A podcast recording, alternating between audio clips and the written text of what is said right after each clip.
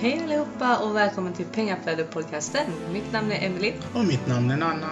Vi håller på med fastighetsinvesteringar i Storbritannien.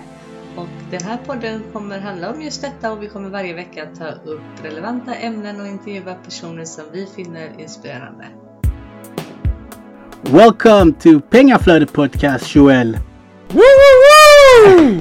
Man, I need to practice the I need to practice the pronunciation of it. Pinga flood. Yeah, Pengaflöd Pinga podcast. flood. Podcast. Right. Podcast bit that that bit I've got in the bag, but the pinga flood I need to I need to I need to practice that one. So I share I already we already discussed before we started recording, but I'm gonna once this episode is out, I'll share it with all of my Swedish colleagues and friends, and hopefully by then I can pronounce it perfectly. So keep me accountable, Nana. Yes, yes, you need to now that you live in Stockholm. Yes, exactly. Tack, tack, tack. So today Emily's not here. She's do- doing the stuff with the baby, but I think I can handle this. So, Joel, tell No, me me. tell me about yourself a bit. Cuz you have an interesting background.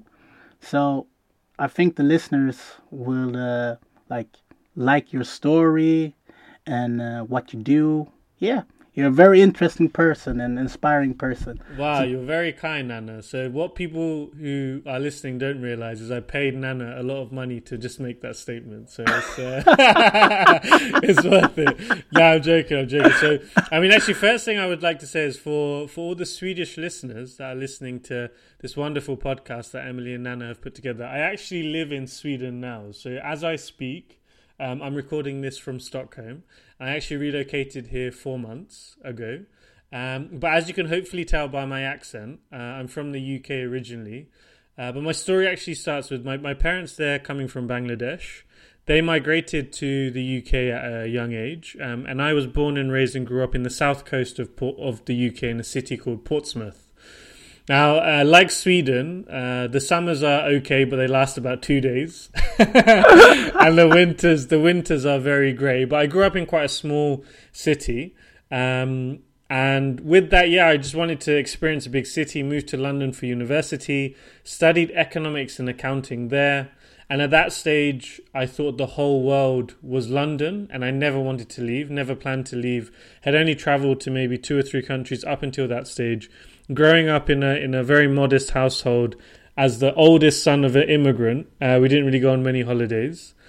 Uh, but no, and then after after university, I was applying for different jobs, and like most people who study economics in London, I was looking to move into banking or consulting, etc. Applied for tons of jobs, and then the best job offer that came onto my table was actually a three month summer internship moving to Switzerland, working for a pharmaceutical company in their finance team. So this was completely not on my plan of things to do, but I took it because it was the best opportunity at the time. And the idea was to have the three months there and then uh, come back to London eventually because for me the whole world was London. But fortunately, I took that took that jump, loved the experience, realized I loved being in new countries, being around different nationalities, and that three month experience of leaving the UK has now actually been eight years now in total. Wow. Um, and in the last eight years, I've been fortunate enough to have worked in uh, four different countries, traveled really all around the world through work and also personal. Um, spent a couple of years living in Japan, um, and just recently relocated to to Stockholm. So that's really kind of the the corporate life. And now through that journey, property has been something that I've always been interested in. Um, we can talk about later on in the episode what my why is and why that is. Yeah. Um, and yeah, that's actually through the world of properties where I was given the I was given the fantastic, very lucky opportunity to cross paths with Nana and Emily at a training. And we connected, and I mean, it's very difficult to not connect with Nana because you can hear him from the other side of the room very easily, especially the laugh that he has. Um, and yeah, then we just connected, and I was there with uh, one of my business partners, who's also a, a very good friend of mine called Pabilo. And yeah, as a four with Nana and Emily, we connected really well. And it, what's interesting is during that time that we met, we were sharing Pabilo and I about a podcast that we had started called Take Flight Podcast, and we loved the energy that Nana and Emily had together. And we were like, guys, you need to do something together. You need to start a podcast. Yes. So now it's great. It's really, really nice to see that we've come around full circle. And when was that? Probably just just under a year ago, I guess, right? Yeah, it was in July. Yeah, July So it's just just in just under a year um, of meeting this guy for the first time, uh, we've been able to build a great relationship over the last few months. Now I'm living in the same country as him. Yes. And now I've been given the privilege of being interviewed on his podcast. So yeah, life's uh, it's funny how life works. It's our privilege to have you on No, our no, podcast. no, no, no. Yeah, that that's pretty much summed it up. Like very interesting. So you've done a lot of traveling. Which country do you prefer living in, and could you see yourself invest in any of those countries? Yeah, I think um, so. For the listeners, in terms of the countries that I've lived in, so I lived in Switzerland. Um, I spent also a very short amount of time living in Denmark. Then I spent two years in Japan, which was amazing. Then I moved back to Switzerland for a bit before now recently relocating to Stockholm. I think in terms of the country that I've loved to live in, um, I think it's too early to not say Sweden. So I don't want anyone listening who's Swedish to be offended. Sweden could easily become number one, but I've only been here four months. But no, I think honestly, for me, I actually love all of them for different reasons. So it's difficult to pick one. Okay. Switzerland, I will always love because moving there for the first time opened up a world of opportunities that I didn't, I, I didn't even have in my. It just opened up so many opportunities that weren't even in my kind of vision frame at all. So for that, I'd always love it because of how it helped me develop as a person and what it opened me up for. Um, Japan, I just love because it was so different. And in Japan, I made some really, really, really good friends that I am. I know for sure that I'm going to continue being friends with them for the rest of my life. And all the friends I had in Europe, a lot of the, uh, a lot of my best friends, they came to visit me in Japan, and I was able to bring my younger brothers over, so I share those experiences with them. So no, I, I loved it for that as well. And, and don't ask me again in two months, and I'm sure I say the same about Sweden. So. Yeah, you love to share your knowledge and like experience. That that's what uh we like with you, uh, me and Emily, because you're very giving. You have a big heart. Man, yeah, I, I could say the same back to you. I think what's been great since we've met um, is how we've had our WhatsApp group together. Yeah. Uh, also with Nathan and some of the other guys. And it's always been a flow of good information, etc., flowing. And it's been nice to. It's been nice to share that because I think all of us have been following each other on social media, etc. Seeing the progress that you've been making with the flips and the service accommodation and stuff, and Pabilo and I sharing what we're going through and the ups and the downs. Yeah. Um, I think it's a great. It's it's uh, it's it's something that a lot of people listening to it, if they're hesitating to share their journey or story, I really recommend to just go ahead and do it because there's more people watching and listening than you realize. Yeah, that's that's true. That's true. So tell me, how did you stumble on on uh, property? So with property, this is so property has always been something that I found interesting. Um, my why is basically when I, so I grew up and I was born in a council house. So in the UK, that basically means uh, housing that the local government, local council provides to people who can't afford their own home. So actually, I was I was born in that house with my parents because, as I mentioned, they they had gone over to the UK and they were immigrants, so they didn't really have a lot of money. But for them, living in the UK, that in itself was a fantastic opportunity compared to the village and the rural areas of Bangladesh that they were from. But then growing up, I saw uh, my dad, who he's someone who's worked always very, very hard, someone who's always been positive. Um, I've been very fortunate to have two parents who have influenced me greatly in life and given me a lot of the values that I have. But I also saw with him, he was an entrepreneur to a certain extent. He had his own restaurant restaurants. He was in the Indian restaurant business, imports within the south of the UK. Um, but then through that, I saw the amount of time and effort and energy he spent in his business, which was very up and down.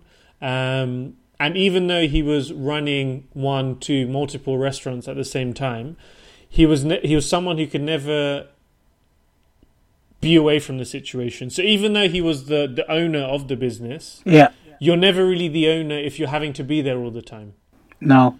so you're basically the highest paid employee, but you're being employed by yourself. Um, Yeah. And I think seeing that and seeing later on the health issues that he had, this always made me be aware of okay, work is work. Um, try and go into a career that you enjoy, that you love, but make sure that you're investing your money in something outside of your day job, which can pay you even if you have health issues, or that is really a passive investment. Now, po- property, of course, people can argue is passive, isn't passive. I've had experience over the last few years uh, where it's been more passive than than not. But Yeah. I think seeing my dad go through that and growing up in a house where we didn't have access to property, etc., I, I, I saw the benefit of that. So the the the day that I started working full time, it was always on my uh, it was always on my list to own uh, four properties by 30. I was probably shooting too small now when I reflect back. Um, or have a portfolio that is worth at least um, a million by the time I'm 30. So I had this kind of vision when I was 21. Before I even had a, a, a full time permanent job, this is still when I was interning, before I knew where I was going to be, before I knew what my salary was, but I just wanted to give myself that direction. Mm. Um, so once you have that direction, then of course you follow it over the years, right? Then you start going to trainings, etc. We can go into detail afterwards, but that's really how how it started and and why I will continue to do it. So this just came to you or like did you like read books or like how did you know it was property and not and then not stocks? I know you invest in stocks as well, etc. Yeah. But you, you know what I mean? Or you just want to diversify so you have like stocks and property and different Yeah, I think it was. Um, so I think for at the beginning, I think property was the main focal point where I wanted to invest. Why was it property versus the other the other things? I think um, what I love about property, and people say this, is just I love the fact that it's just real, it's physical, and I can see it. Yeah. Now, of course, you can get better returns with stocks. If someone had invested in Tesla X amount of years, it would have been like an unbelievable amount.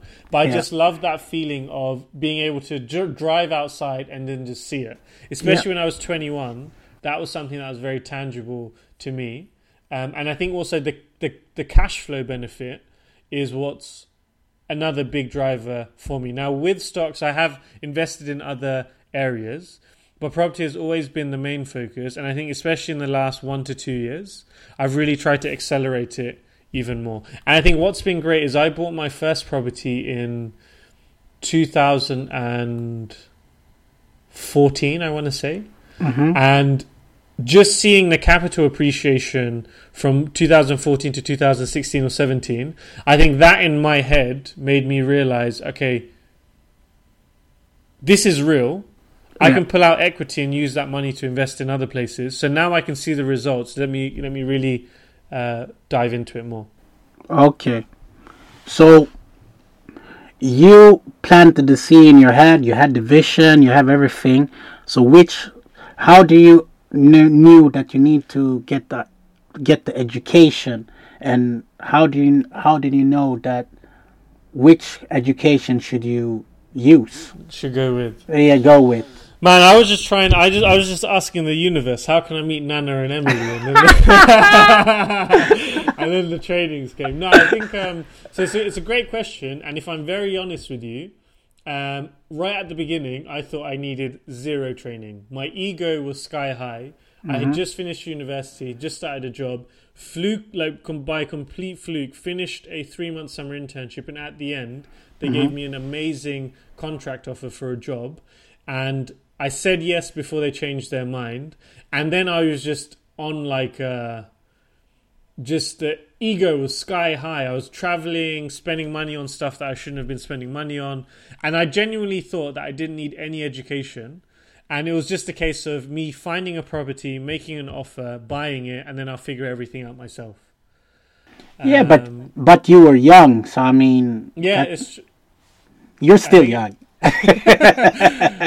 for the for the listeners. I'm actually uh, 18 years old.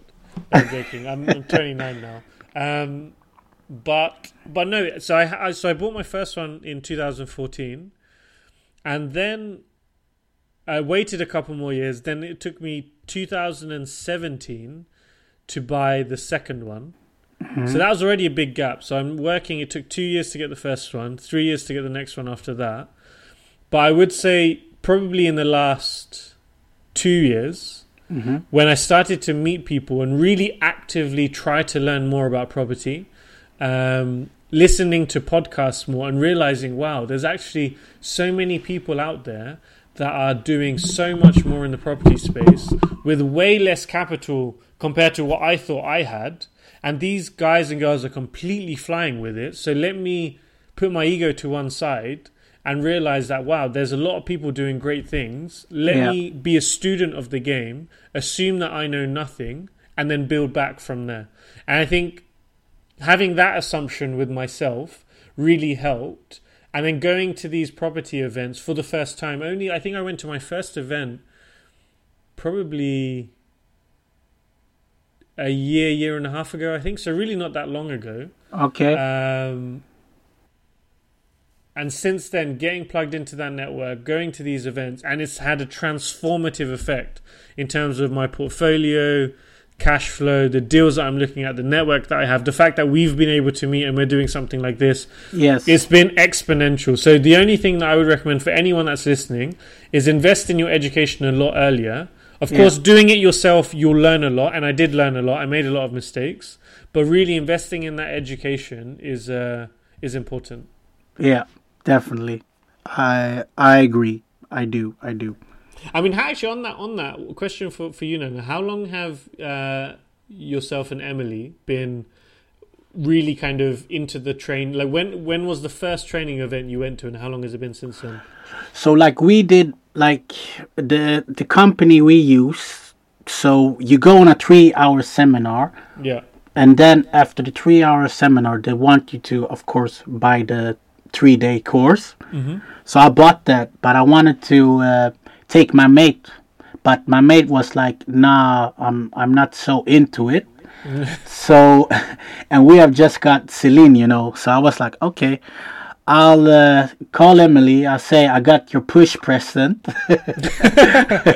We're going to Stockholm on a three day course, property," and she was like, "Uh, okay." And the day before, the day before, she was like, "Okay, I don't know if if they're bluffing, cause you know, cause she looked at YouTube, and you know, if you go on YouTube, you, you're course. always gonna find crap somewhere." We did it, and then we been, uh, bought the mentorship, and that mentorship is like two years. So we bought it, the mentorship, August, uh, 2018. Set up the company uh, in January last year. So during that time, you we had like webinars and sure. talking with your mentor, etc. So then we have taken some more courses, like in the summer when we met you, mm-hmm. and uh, we did some uh, on another course in uh, when was it in November uh, Mhm. commercial. So because you know I'm really into that stuff. yeah, I know, I know, I know, and I know you're gonna do, I, and I know, yeah, I know you're gonna be great at it as well. So that's why it's uh, no, but it's interesting to hear, and I think, and I think actually on that topic, it's also important to have that fine balance between doing something yourself first, getting Yeah. a flavor of it, then investing in the training, Yeah. and then it's extremely, extremely important to not just go on this trap of investing in more and more trainings and continue, but really have the action.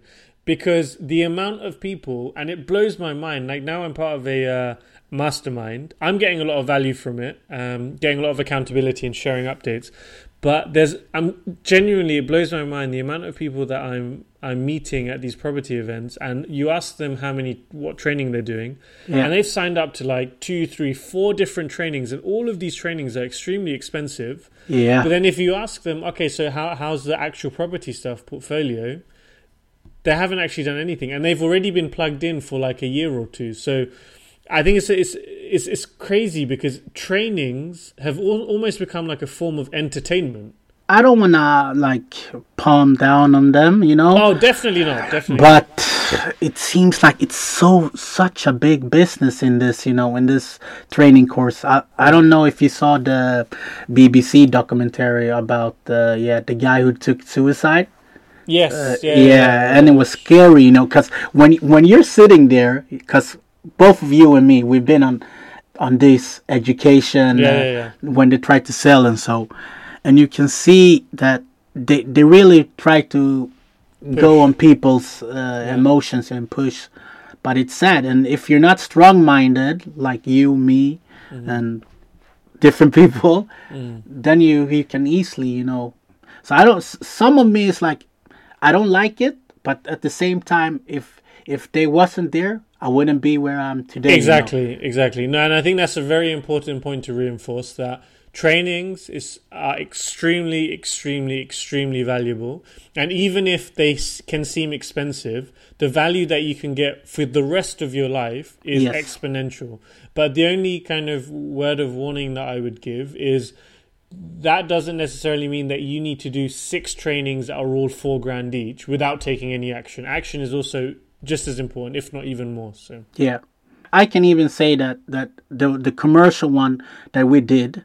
To be honest, if we could put it ahead like in a year's time, Mm-hmm. that would be better. But it was already included in the package, so we needed Okay. to take it during that period Mm-hmm. because we're not ready to do the commercial right now. Because Yeah. now we're more ready to get up the cash flow, you know, start Sure. from the beginning.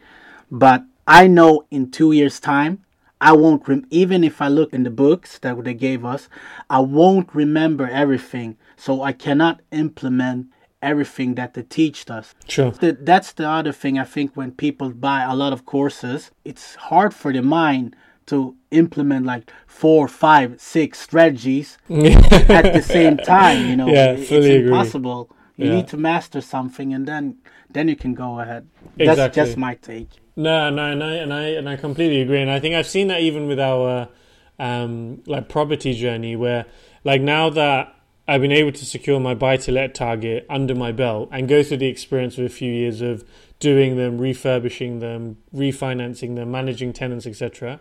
Now I'm able to look at larger multi-unit deals Yeah. where I'm much more comfortable with the mechanics behind it. Still not an expert, still learning.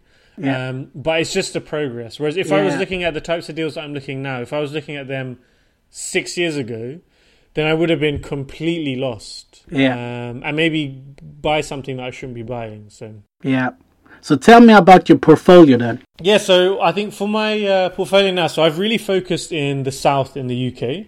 Um, so I've got now uh, four buy to lets in the UK uh, in the in, in the Portsmouth area.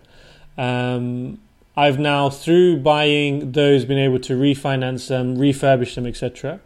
Um, and now the value of it is actually just under a million, which is great. This is the target that I set for myself by the time I was 30. And it's generating a very good cash flow for me where now I'm generating enough cash, more so than I was able to save in my first full year of working, completely passive. So now I can really see the benefit of this real idea of investing early, seeing the compounding effect, and then getting Yeah. that passive income. So now that I've got those under the belt, actually, we've just agreed. Um, so just at near the end of last year, um, for the next phase that I'm looking at, we're looking at HMO properties, and now with these, now I've got like my personal buy-to-let portfolio in the bag. For the HMOs, where I've JV'd, um, so with these, I'm actually JVing with uh, Pabilo, um, who I think you're potentially having on the podcast soon. Yeah. Um, and now we're looking at a deal here where we're looking at three HMO deals, which would be in total 17 units, and they're all around the same area in the north. wow. Um, so we've just got them completed, um, as in we've had the offer agreed, and now it's a case of sorting out the the financing aspect of it as well. So yeah, So what is the North? It's quite funny when you uh, UK you say the North because the North is Bir- Birmingham and up, right? and for us, of- that's this is- South. so where yeah, so- the North? so this is this is kind of uh, this is north northwest, so kind of around the Liverpool Manchester area okay, around there. Okay, Yeah, just exactly. to just to get a geographic. uh, direction. Yeah, yeah. Because thing is also I do I'd also like anything, um, because I I have a very paranoid view when it comes to property in the sense of until I have the keys to it, I don't own it.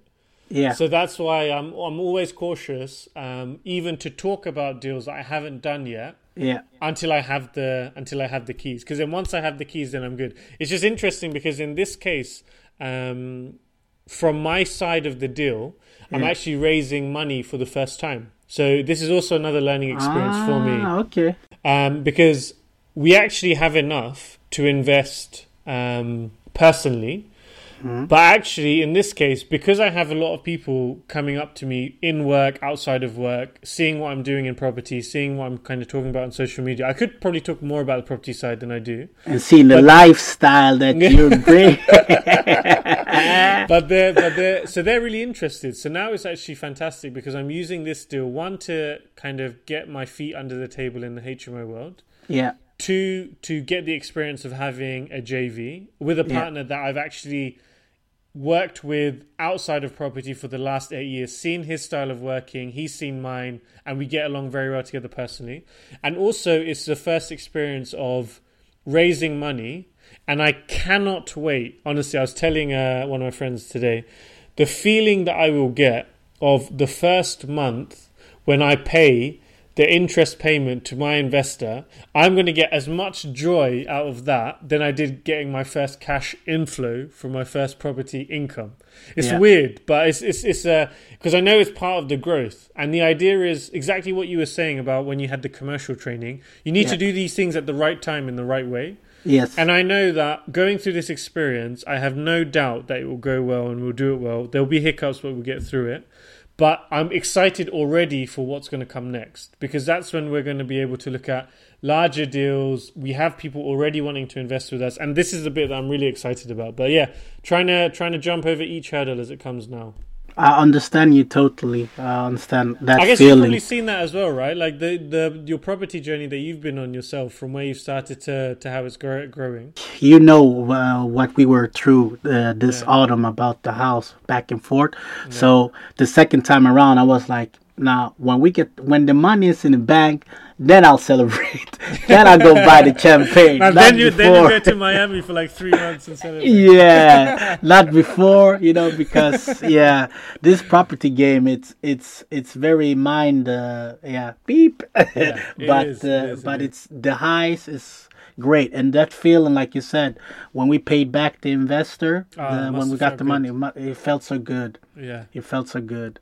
So buying from abroad versus buying while living in UK, but that doesn't even apply for you when I'm Yeah, I mean, because because I because I've always bought it while being abroad, so I've always Yeah. been categorized as an expat. yeah. Um, I think Can I you mean, I've had- explain? Can you explain expat for the listeners? Because I don't, uh, I don't know if they know what it, I know what it is, but Sure. You know, No, it's, it's, it's a great question. So, an, an expat is basically someone who is um, based abroad, which isn't their country of, uh, I guess, where they were born, um, but they're based abroad earning a, an income in another country. So, in my case, for example, I'm born and raised from the UK. Um, but as I mentioned earlier in the episode, I left the UK and I started working internationally straight after university, basically. And since then, because my um, earned income has always been in Switzerland or Japan or Sweden as it is now. yeah, Um, when I apply for a mortgage in the UK, the providers in the UK they don't see me as someone who's living earning money in the UK, but they see me actually as a foreign investor. Um, Even though, even though I'm a British citizen, um, I still file my taxes in the UK for the properties I have. I'm still doing everything like that. But because my main earned income that I'm showing to the lenders when they're providing financing to my deals is a different currency, um, they still regard me as an as an expat, which is uh, an expatriate, so someone who's based abroad, basically. So do you still have social security number, etc., or is that Yes, wiped yes, out? I still yeah, still still have my social security number and everything. And I think what's important is over the years I've still kept a documented connection to the UK in the sense that I have direct debits that I've been running since I was at college. I have um, a registered address, for example, um, in the UK. Uh, as I mentioned, the tax, the taxes, etc. I've been filing every year through Yeah. my accountant. So, uh, I mean, it does bring it does bring its challenges. Um, But I think what's very, very, very, very, very, very, very important is to have the right power team. So have the good, have a good broker, have a good accountant, have a good solicitor, people who can fully understand your situation, that can give you the best advice and best service possible. That's super, super important because trying to do it abroad directly with a lender, directly with uh, um, the bank, it's it's a lot of back and forth. So, so all of these that you mentioned, the the solicitor, uh, the broker, uh, the accountant, I think that was yeah how did you meet? Was it through referrals or was it through the the property education that you got or how was it? So I think that's one of the main reasons why I focused my initial investment area in the area where I grew up because yeah. I'm familiar with the area, so I know what's which areas people want to live in. Yeah. Then building on that, because I've grown up, gone to school, college there, um, I have friends that have now become qualified accountants and for example, my broker, my broker actually isn't from the area, but my broker got recommended to me through another friend who went through multiple property deals and he said, David, David Locke, in case anyone's wondering, absolute legend of a man. Um, mm-hmm. He got introduced to me from a friend, and then with him, it's been it's been amazing. And he's actually not even based in the south. Solicitor is more of a local connection. Um, a friend that I went to school with became a qualified conveyancing solicitor. She joined a firm, and I've used that firm since. So what is yeah? So the power team is the most important thing for you, right? Yeah, I think so. So like in, in terms of looking at it in in the sense of what kind of systems and how can you make it easier for yourself, it's really it's really built around the power team. So it goes beyond what I've just mentioned about the solicitor, the broker, and uh, the accountant having a very good builder on the ground again helps massively for me for my personal portfolio um, that I've invested in myself. I have also my brother there in the in my hometown, so whenever a significant issue comes up, he can go and deal directly with the tenants. I have friends from school who became estate agents who, when they have a good deal, they share it with me. Wow! Um, they also help to find a tenant for me as well because sometimes I can't be bothered to go through the process myself. And now that I've got um, a multiple unit portfolio, now I'm looking to potentially give all of it to an agent that I can trust, and okay. rather than relying on my on my brother. So just to summarize, I think having that power team of the services that we mentioned as well as a tradesman very important having someone on the ground whether it's a family or friend or an agent that you trust that can go to visit the properties with a phone call um, is very important and yeah, I think these without these, honestly, it would be impossible for me. Now I could be like the other day. I was in Miami for New Year's Eve, having a great yeah. holiday with my friends. Yeah, I the saw that. Man, you had a great time in Miami as well. So, so I mean, I had a great time there on holiday. The tenant um, texted my brother saying there was an issue. My brother texted me. I text the builder and then just through a few texts everything was resolved and that was me on the other side of the world without having to even call anyone how was that feeling or, or you didn't think about it because you were like in the party mode but you, you know what i mean i think um so probably now which isn't good to say is now i've probably become accustomed to it and maybe i should take a step back and reflect thinking wow i should be grateful for this mm. um but i remember the first time that happened in a few clicks it felt great and yeah. when it got to the stage where um, a deal that I've just recently closed now in Portsmouth, he, my brother, actually went to view it for me, and he took videos and everything, and I could just see everything. It was as if I was physically there, but he was sending me all the pictures, the content, etc. And I could have a real conversation with the agent about what we think should be included in the negotiation because this needs to be fixed, this needs to be fixed, etc. During those moments, that's when you really uh, realize like, wow, actually this this is something which took six, seven, eight years to build. Yeah. Um, so it takes time, and through that, also just for the listeners to be aware, through that you go through the process of meeting builders who are unreliable. You go through the process of tenants who are causing you a massive headache. Um, yeah. I had a tenant who, on paper, reference check everything came by completely fine. Then she ended up becoming a um, ended up me realizing that she's a drug addict. And not only was she a drug addict, she was selling drugs within the property with dealers from another city to the point where the dealers came into the property. The police had been scoping out the property for a while, and they came and did a drug bust and knocked down the front door. Wow. Um, so there's it sounds like ah the system, power team, everything is super easy. This took years of going through those moments, ups and downs, and figuring out what works best. And there's still going to be even more issues like that. It's part of the game. Nana, you know that as well, more Yeah. than others as well. Um, but it's just important that as long as you know long term what you're working towards, then it's part of the process. Yeah, yeah, yeah, definitely.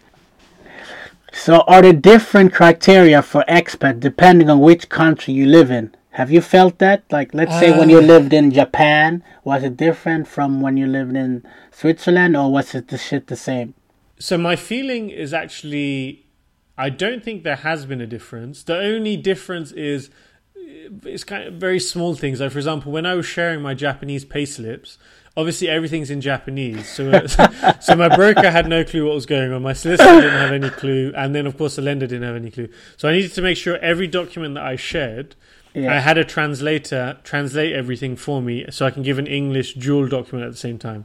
So Yeah. apart from those small things like that, other than that, I don't I personally don't think the lender looked at me any different. I think the only thing that they will look at and it's the same whether you're in the UK or outside of the UK is how much are you earning? How much is that in in the equivalent in pounds? And then how much do you have cash flow from other sources?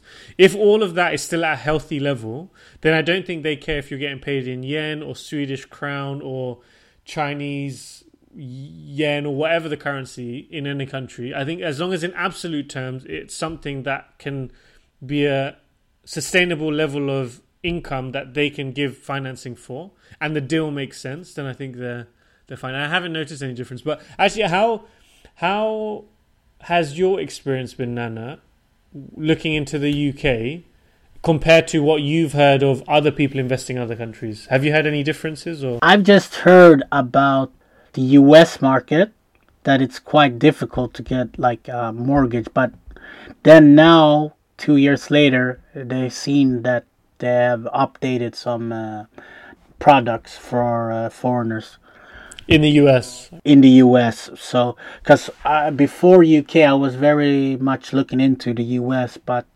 Emily was like, "No, it's too far." And yeah, I do agree. Like you said, you can go to UK like one hour, two hours flight. You there.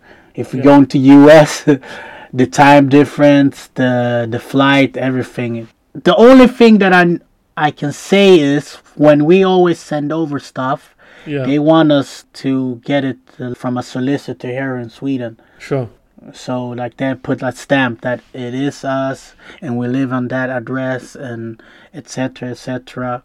So that's the only thing. So even even with that, even with that, if I'm dealing with, um, so for example, the the deal that I'm looking at now, there's a commercial aspect to it, and because of that, we needed to go with a different solicitor. And with this different solicitor, because I haven't met her in person, she was actually a referral from someone else. Because I haven't met her in person, um, I had to go through the same process as even as a British citizen, but as an expat. So I had to get my ID Ah. certified. So I still actually have to do all of all of that. Okay, so uh, you Brits, you don't get a slide. no, no, no, no, definitely not, definitely not. So I think the same level of documentation that they're asking you, they would be asking me as well. we have this Facebook group. We're almost 400, so it's all Swedes that invest. I should even invite you in it because now you're you're a Swede. Ah, yeah, yeah. Man, I've got, I've, I, I could, I, I can't see my wallet right now, but I actually have a Swedish ID card and a personal number now. So. That's crazy. no, but they they are like saying some lenders tell them that they need to fly to UK and meet them in person before. L- lenders say that. Yeah, lenders Wow. and even some solicitors. Okay, so the solicitors part I've definitely heard before. Yeah. I think in um, in my case, because it's offer referral, I've also done kind of it through like a video call, etc. Um, but then on the flip side, one recent workaround is one of the my friends who is a solicitor because obviously she knows me and she's seen the documents. She was able to certify it on my behalf. So Yeah. but of course, these are kind of one-offs. I think typically you'll have to physically go there. So tell me your why, or is that the same like before? Because you said that you saw your dad working hard, or do you have a bigger why? Um, I think my why when it comes to property is I think there's always been an aspect of me which is around this kind of entrepreneurial spirit, kind of trying to build something, having a passive income along the way as well. I think this really ticks that box. I think personally, I'm always someone who, um, I just want to be in a position where my passive income is, which gets me into a position where I don't have to work. Because Yeah. I think being in that position where you don't have to work is powerful. Because at the moment, I love my job. Yeah. Um, I've been given lots of great opportunities, and I, there's actually rarely any complaints. Whenever I've wanted something, they've given it to me. Um, and I'm very fortunate to be in that position. But I know and I've seen things can change very quickly. Um, and whenever, as long as you're in the corporate space, uh, ultimately your career is not down to you; it's down to the organization. yes. Now, with this with this in mind, I would love to be in a position, and honest, once we hopefully get these deals on, on the like across the line, I'll be in the position where um, financially I'm completely free. Where if I was to lose my job tomorrow, all of my bills and everything would be covered. I'll be able to save on top, and I'll still be able to go on a couple of nice holidays a year as well. yeah. So, I, so that's why being in that position, I think, is just that's my kind of midterm aspiration because then I think it will really give me the flexibility to have the freedom, not just in not just in my job, because when you're in a job and you're doing it, and you know that you actually don't have to be there, it completely changes the way that you do it as well. Like you're a lot more relaxed. You can maybe do a lot more different things, etc., and maybe be more bold. yeah. Um, so that's kind of my midterm why. Now, by the time I get to that stage, maybe I think, do you know what? I see so many opportunities on the property side. Maybe I just go all in on on that.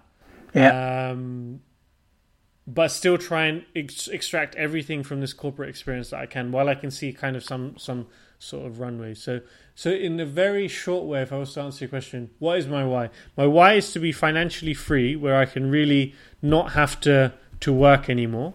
Yeah. Um, and I'm doing it because I love my job, which at the moment I'm in that position. yeah. Um, and then long term, yeah, just to keep growing, man. Just to keep uh, just maximizing whatever I can, and just seeing what my dad, what he had to put in, what he had to sacrifice, um, to unfortunately impact his health later on. I don't Yeah. want to be in that position. So ideally, I want to be 40, 50, in my 50s where I can really spend a lot of time with my kids, quality time, be healthy. Um, and yeah, that's, that's that's it, I guess. You're a speaker, right? Uh, Yeah, you are. You are a speaker. Why you? Why you like that? Do Do you like that part of being a speaker? Yeah. so honestly, I so that when so it's interesting. So I I moved to Switzerland when I was in 2012 now, and during that 2012 to 2014 15, I did go to some schools in my local area to speak a bit about my experience. The fact that I left my small hometown to go to a big city and then have this kind of international career. But unfortunately, when I went to Japan, it kind of stopped a bit because, as you can imagine, I I can't really go to Japanese schools and speak much. Even though my Japanese was very basic, it's not enough to really inspire people. Um, but that was one of the factors of coming back to, to Europe is to really build on the experiences that I've had in work and outside of work and to share that with more people. And I think that's really something that's developed in the last year, year and a half, where um, I've been invited to speak at more schools, which has led to me being invited to speak at corporate events, which has now actually um, ended up me being invited to be a TED speaker, TEDx speaker later in the year. Wow. Um, which I'm super super excited about in Switzerland. So yeah, I, I, I really love I love that aspect, and I think that really stems from um, when I was growing up, being the oldest child of immigrants who hadn't been to university, etc. before. I didn't really know what path to go down. All my parents could tell me is be a doctor, be a lawyer, very traditional Indian parents. yeah. And they couldn't tell me even to which university to go to. They just said go to university, go to either Oxford or Cambridge. Other than that, they've got no clue. So they they put some very important values in me in terms of hard work, staying positive, um, not dwelling on the negative, staying around good people. All of these values, um, but everything else I didn't really have that guidance. So now I'm in this position over the last few years where I've been able to experience a few things. This is why it's really important for me to try to share that along the way through social media, through the podcast that I was able to start with some friends, through kind of speaking wherever they give me the opportunity to speak. Yeah. Um, and that's something that I hope to continue to develop and get better at over the years as well. Basically, your why is your future plans as well, or do you have Yeah, some what's the plan for the future? So, yeah. Do you have some more to add? Do you know what? I'm going to put it out there, right? Yeah, I put it out. When I, when I was 21, when I was 21, I set myself this goal to have like a uh, a seven figure portfolio by the time I'm 30 and like six different streams of income, etc. And then now that I've I've actually hopefully this month I will achieve that before Wow. I turn 30. Before I turn 30, what what I was now reflecting about is it was great for me to give that direction when I didn't really know what the path was. But how could things have been different if I just if I did a Grant Cardone and just 10x it? so if I was 21 and I sat down and I said, okay, actually I want to have a eight figure portfolio. I want to have 10 million, 10 million portfolio by the time I'm 30. How would that have made me think different and do things differently over the last eight, nine years after I made that goal? So now for the next phase that I'm entering, um, I want to be really big. So maybe by not maybe by 30, I will. By the time I'm 40, I want to actually no 40. I'm going to say 35. by the time I'm 35, I'm gonna I'm gonna shoot for 500 units.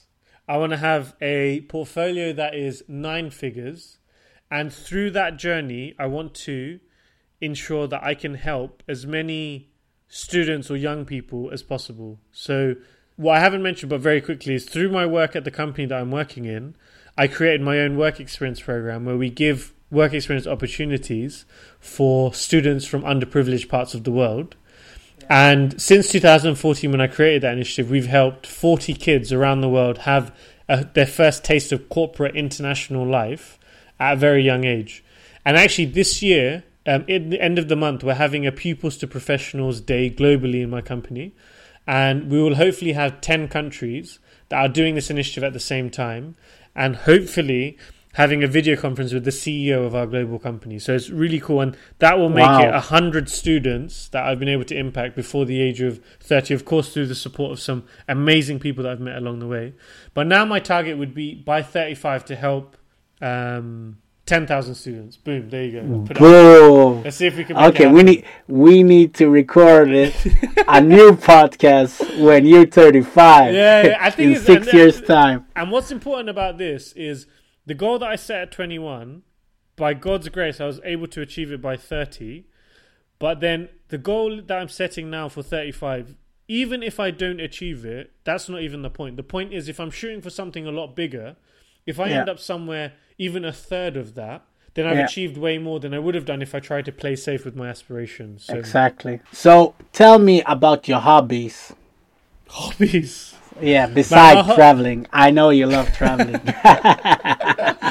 my hobbies man so i i mean i love i love traveling that's this this something that i think you you you, you know and that you've probably seen yeah. um i think a hobby of mine i really love um wow man. So i love actually the idea of staying fit and healthy. So i try to exercise um try to exercise at least five six times a week. Um my challenge is that i eat a lot of food. So sometimes i'm just keeping everything net to zero rather than uh, staying uh, in the healthy direction but no overall good. I've also been able to run marathons. So once every year since 2014 i gave myself the challenge of running one full marathon a year in a different country so trying to tie it with my traveling hobby um, and Wow. now i've done five or six marathons which has been really cool um, really love reading love socializing so I'm someone that one of the reasons why I love moving to new countries is really opening my world up to new friends and new people. This is why I love the fact that we've been able to meet at that training and we've been able to stay in touch. That's something that really um, keeps me keeps me going. Have you always been that way, or is that something you learned when you moved to London, and then you was like, okay, I want to explore, and when you moved to Switzerland, then you was like, okay, I like this, because when you're moving somewhere, you always get this like challenge. You need to get out of your comfort zone. Yeah, You know what I mean? Yeah, yeah, yeah. I think the social side of things, I got that a lot from my dad actually, because he was the the fact that he had his own restaurants and he always used to work front of house. So he was the kind of the main. He would be the guy kind of greeting everyone in the restaurant. He would always have great relationships with people. So I think seeing him do that naturally rubbed off on me. And I think moving from my hometown to London, where I didn't know anyone, to then Switzerland, where I didn't know anyone, to then Denmark, to Japan, Sweden, all the other places, traveling on my own many times as well when you continuously push yourself in those environments, then you kind of then it's just a form of survival because if you don't make friends with people, you're going to be super bored and lonely. Um, so you just kind of have to do it. And I think the first time I did it from Portsmouth to London, it made me realize, oh, actually, you know what? I can actually move to a different city in the UK and do it. Then moving to Switzerland made me realize I can move to a different country. And having those two experiences, now I, I'm I have confidence in myself that if I had to move to Iceland or Ghana or Bangladesh tomorrow, yeah. I'll be able I'll be able to figure it out somehow. Well. They love you in Ghana. Man, I'd love them. I'd love them. So, um, so yeah. But actually, I was just, I was just reflecting. There's probably the just very quickly on that the why question. Yeah. Um, I think another big motivation for me is probably one of the biggest failures I've had and this was when I moved to London for university. So I think, as I mentioned, my parents were quite demanding parents. They were very restrictive on me growing up. They didn't want me to hang out with the bad crowd at school, etc. So when I moved to London for university, I had tons of freedom. Um, and this tons of freedom meant zero studying and 400% partying and doing stuff yeah. that I shouldn't have been doing. In London town as well. Exactly, in a big city. So you can imagine if you do that for 12 months, zero studying, more on the other stuff, what will happen? Of course, you fail. So yeah. I failed my first year of uni, and they actually said to me, "Sure, you failed so bad that you can't pass on to the next year." So all of my friends that I made Ooh. moved on, and you have to retake the three modules that you failed. And if you fail again, then we'll have to potentially kick you out. Whoa. Now, during that year, I was applying for different jobs, and again, as I mentioned earlier in the episode, I was I was doing economics and accounting. I wanted to go into banking, all of this stuff, right? Yeah. I was applying for different jobs. Every single job said said no because no one wants to hire a first year failure from university who doesn't have any relevant work experience and yeah just hasn't really proven themselves so the best job that i could get that year was to sell suits in ted baker in uh, regent street in london which is actually a great store um, but then of course it's quite humbling where you want to have this corporate high flying life etc but then on the flip side, the only job that you can get is a retail job, which respectively you don't need any qualifications to do at all. Yeah. Um, so that was a very, very humbling year for me. And it was a year where, to be fully transparent, I had lots of anxiety. I started to doubt myself a lot before, because up until that stage, I was one of those fortunate kids that was able to pick things up quite well in class and get good grades. But now, suddenly, without my parents forcing that onto me, I was completely on on a different path. Um, so yeah, a lot of doubt, a lot of thinking, is this really right? Seeing all of my friends progress, whereas I had to stay back, was also quite challenging. Um, and then on the flip side, I'm doing a job which I would never have chosen to do this job. Yeah. Um, but through that, a, I learned some amazing skills selling suits. So again, building on that relationship. That's why you have so many suits. Man, they offered me a great discount. They offered me seventy five percent discount back in that back in those days, which was a lot because a suit back then was like 500, 600, 700 pound, and you can get seventy five percent discount. So I was at least I was looking good, which was good. Um, at least I thought I did anyway. But no, that job it helped build the the social skills, which was really important. But then it also made me realize that sure, you've got the skills, but if you don't focus on things, then you could potentially f- this up. Yeah. So that's why since then, after that year, thank God I passed those three units, and then I was able to move on. And since then, this is why I'm so driven to do everything that I do across everything that I do as best as I can because I've seen what happens when I drop the ball, and I've yeah. tasted that. And I've tasted the feeling of trying to do things and people saying, nah, we can't give you this, or trying to do that and people doubting you. Your friends and family looking at you slightly different because now it's like mm, we're not sure you're that guy. Yeah.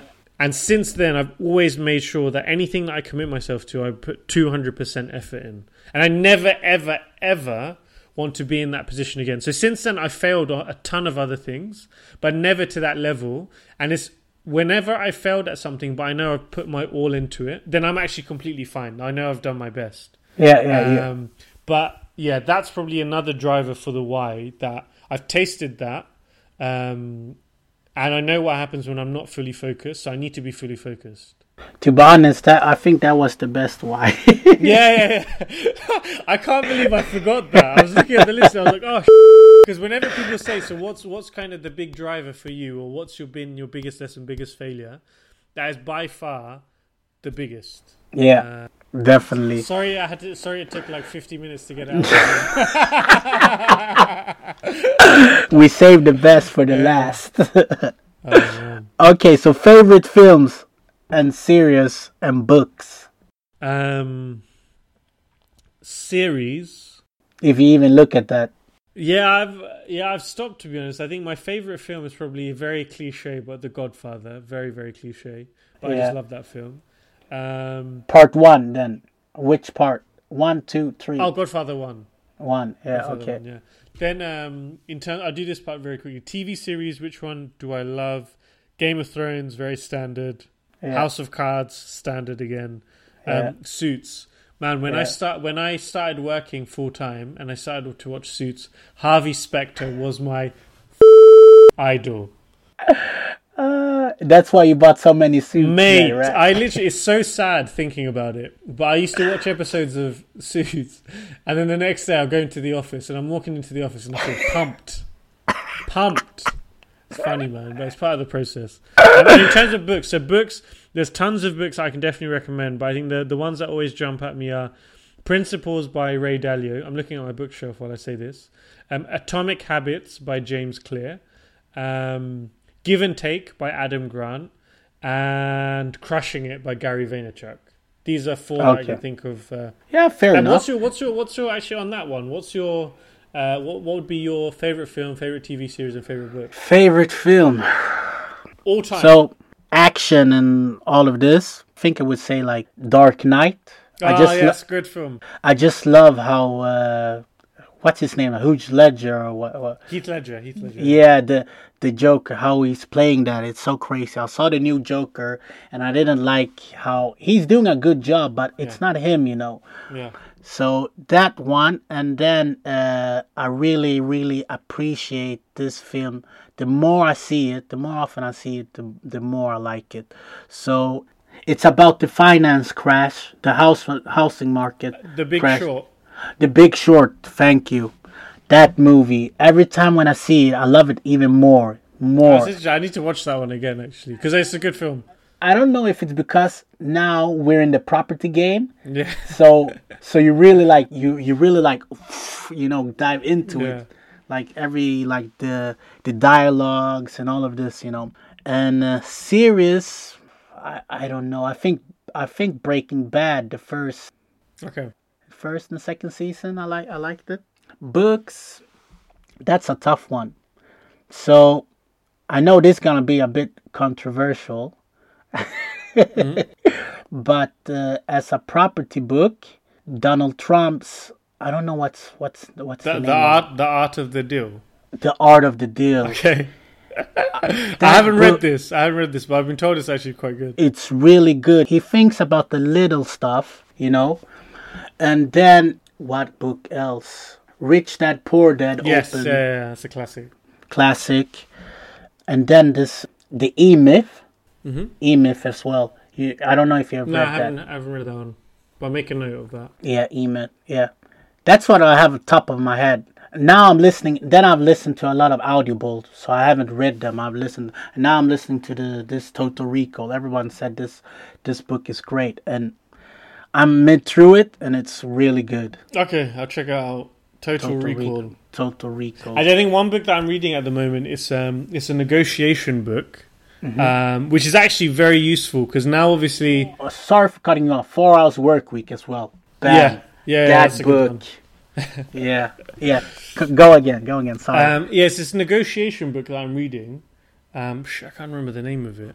Uh, but it's actually very useful, especially for people in the property game.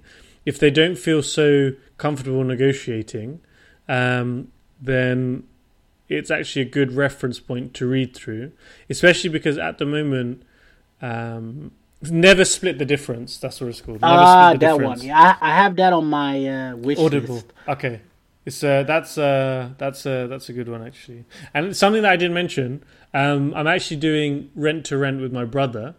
Yeah. Um, which is also kind of another strategy, but this one is really I'm more of the silent partner in this, and more helping him develop his skills and get into the property game and build some cash flow on the side.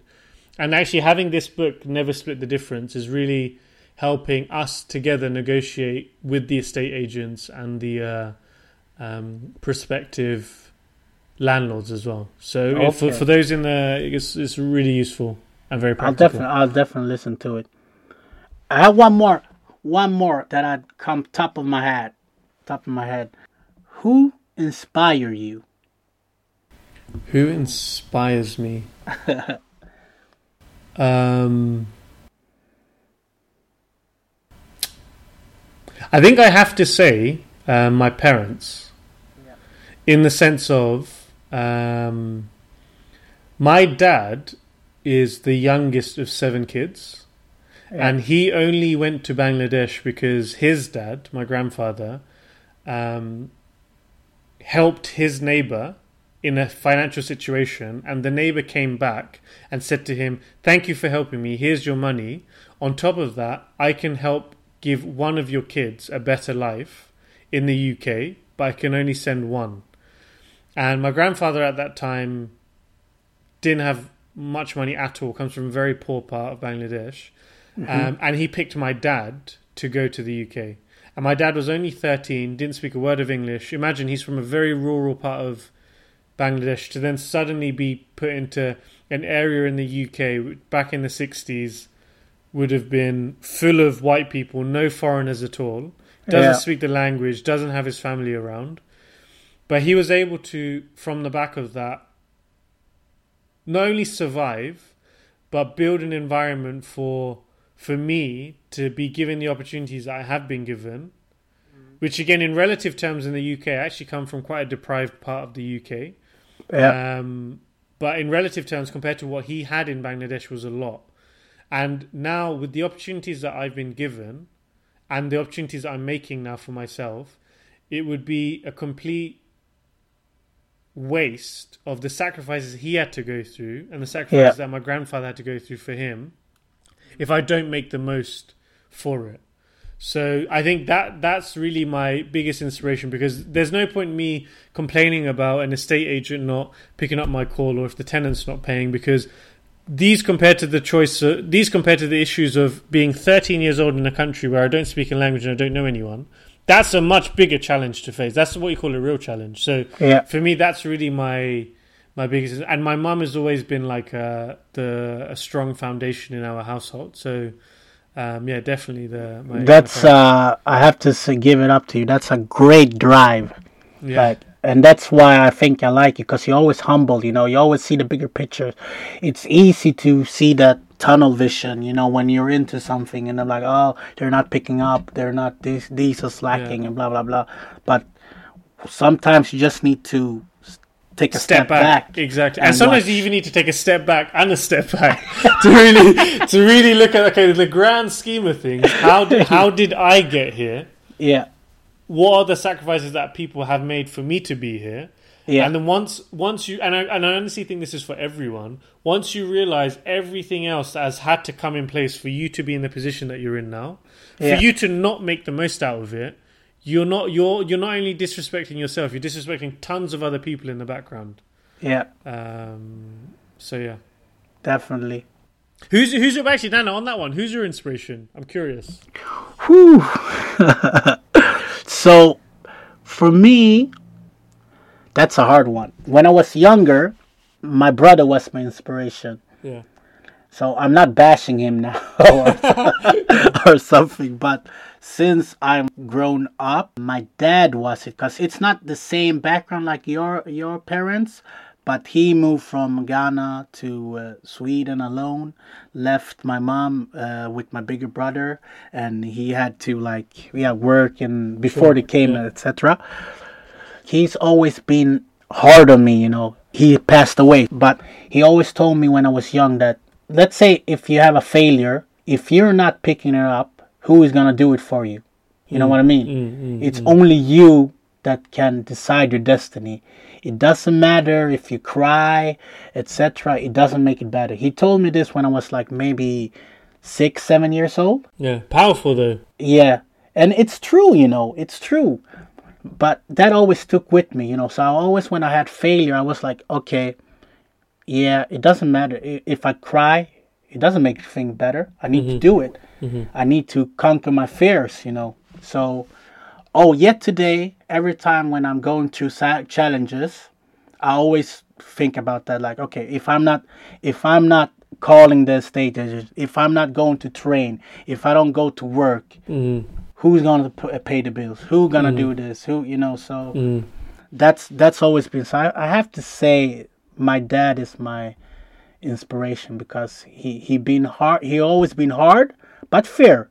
You Yeah. know, because life ain't easy. You know. It really isn't, man. And I think it's and I think it's it's getting those messages. Uh, I mean, obviously now you're a father, right? So you, Yeah. you're you're going through it now with your daughter. But I think getting those messages as early as possible in a constructive way can really be very powerful for people later on. Um, Yeah. And clearly, you're you're you're a great example of that. So uh, shout Thanks, out, shout out, shout out to Nana's pops. Rest in peace. I'm sure he's looking down, very very happy. But actually, I- actually, and, and in terms of because I was thinking also now, if you were to pick a mentor who's kind of like a business person or celebrity or something like that, do you have do you have one That's a celebrity. or like a someone who's famous basically? There's a guy, you know, that we might do some business with in the future. Uh, He's the person. Yeah, he's he is where me and Emily wants to be Okay. in some years. So he invests in different countries. He Mm-hmm. invests in uh, Portugal, in Spain, Mm-hmm. in uh, U.S., in U.K., and uh, yeah. So that's what we want to do. We want to do like a portfolio that's all over the world Sure. and beside that like doing we have the stocks we have the treasure bills that we have in ghana etc so diversity. So we just want to follow him. So i think the next step for us when we've done like got up the cash flow you said like the security and everything and starting to do a little bigger stuff it's like maybe to have him as a mentor because you can you can have him as a mentor if you like. But he's already in a way mentored me Sure. I know people say, oh, maybe Rob Moore, Mark Homer, uh, Yeah. Grant Cardone, and all of them. But I, I think I really want to be with someone who's close. Sure. Because this guy is, he's very like a family orientated, and I'm, I'm very family orientated. I don't know when, when you get kids, because you already have a big heart, you know. But I think when you get kids, you will have a even bigger heart, because you seem that type of person. So, yeah, C- Cardone would be too much for me. I think. Fair 10x yeah. here, 10x. Yeah, he's a bit. He's, I mean, don't, don't wrong. What I love, what I love about his messaging is the fact that he's He's he raw. just he just makes you think bigger. Just that Yeah. one message alone is extremely extremely powerful. But no, I think it's it's good that in in this case you you you you find someone who you see as an inspiration, but there's someone who's touching distance from you, yeah, and there's someone who can really guide you along a path that they've gone down. yeah. So um, Do you have a mentor in yeah, sight? I was thinking. So when I thought when I was- when I initially asked the question, I was thinking who would I answer? I'd probably put someone like Elon Musk. Yeah, okay. But, But yeah, of course, he's he's very far away. He's not touching Yeah, yeah. distance. So I'll just say Elon Musk and Drake, and I'll just drop it there. why Drake? Uh, uh, because Drake is a oh mastermind with with the with the music. Oh Nana, you need to understand who you're talking to, bro. I know Drake, you, I- Mr. Drake. You, I know you, my it- friend, would go along so Man, great. I know a lot of brown people, especially brown guys, say that they love Drake, blah blah blah. But when I tell you, Nana, that I am Drake's number one fan, I know in the next in the next in the next decade that I'm about to enter, I will meet this man, not only will I meet him, we will become friends. Mm-hmm. And then, and then I can listen to his music before everyone else does in the next decade. I can, I can already envision it. I actually, You heard it. You heard it first. Here. But yeah, let's see how it goes. Um, no, man, I've really enjoyed the convo, bro. Really, really Yes. appreciate it. Thank you so much for your time. Thank you. And where can people find you if they want to see your extravaganza lifestyle? Uh, Nana is too kind. So if anyone has actually taken the time and energy to listen to this interview up until this stage, first of all, I want to give a massive thank thank you to you. I really appreciate your honesty. What Nana and Emily are building here is amazing. And when we first met, I mentioned it very early on in the podcast. When we first met, my friend and I saw the energy that Nana and Emily have, and we were like, "You guys need to start a podcast. You need to put some content together where you're sharing it because you've got amazing energy. You're going through the journey." And I have zero doubt in me the success that you guys are going to go through. So it's just going to be great pleasure for others to see the the process that you're going through, for you to document it and then share it along the way through a podcast, through social media, etc. So now Thanks, to so now so now to to be here in uh to be given the honor of being interviewed by uh, Nana himself. Um, it's really been a pleasure for me. So yeah, if anyone uh, wants to stay in contact, so you can find me on Instagram. It's at Shuwel S H U W E L one. Um, I actually also have my own podcast with uh, three of my friends. It's called Take Flight Podcast. You can find us on the Instagram page. Is also in the link in bio on my Instagram. You can find me on Facebook and LinkedIn. Um, my name is S H U W E L, and then surname is A H M E D Ahmed. Nana, it's been an absolute pleasure, bro. Really, really, really, really love the conversation. And yeah, we need to. I need to bring you and Emily down to Stockholm and host you here for. for You mean up? up? Mate. Sorry, no, no, now you're Sweden. Up. up. I need you to come up to Stockholm. Well, I need to come down to Gothenburg for sure. Yes, definitely. Thank you very much for taking your time for being here and giving the listeners a very interesting story. And we all believe or think you will achieve all your dreams because you have that drive.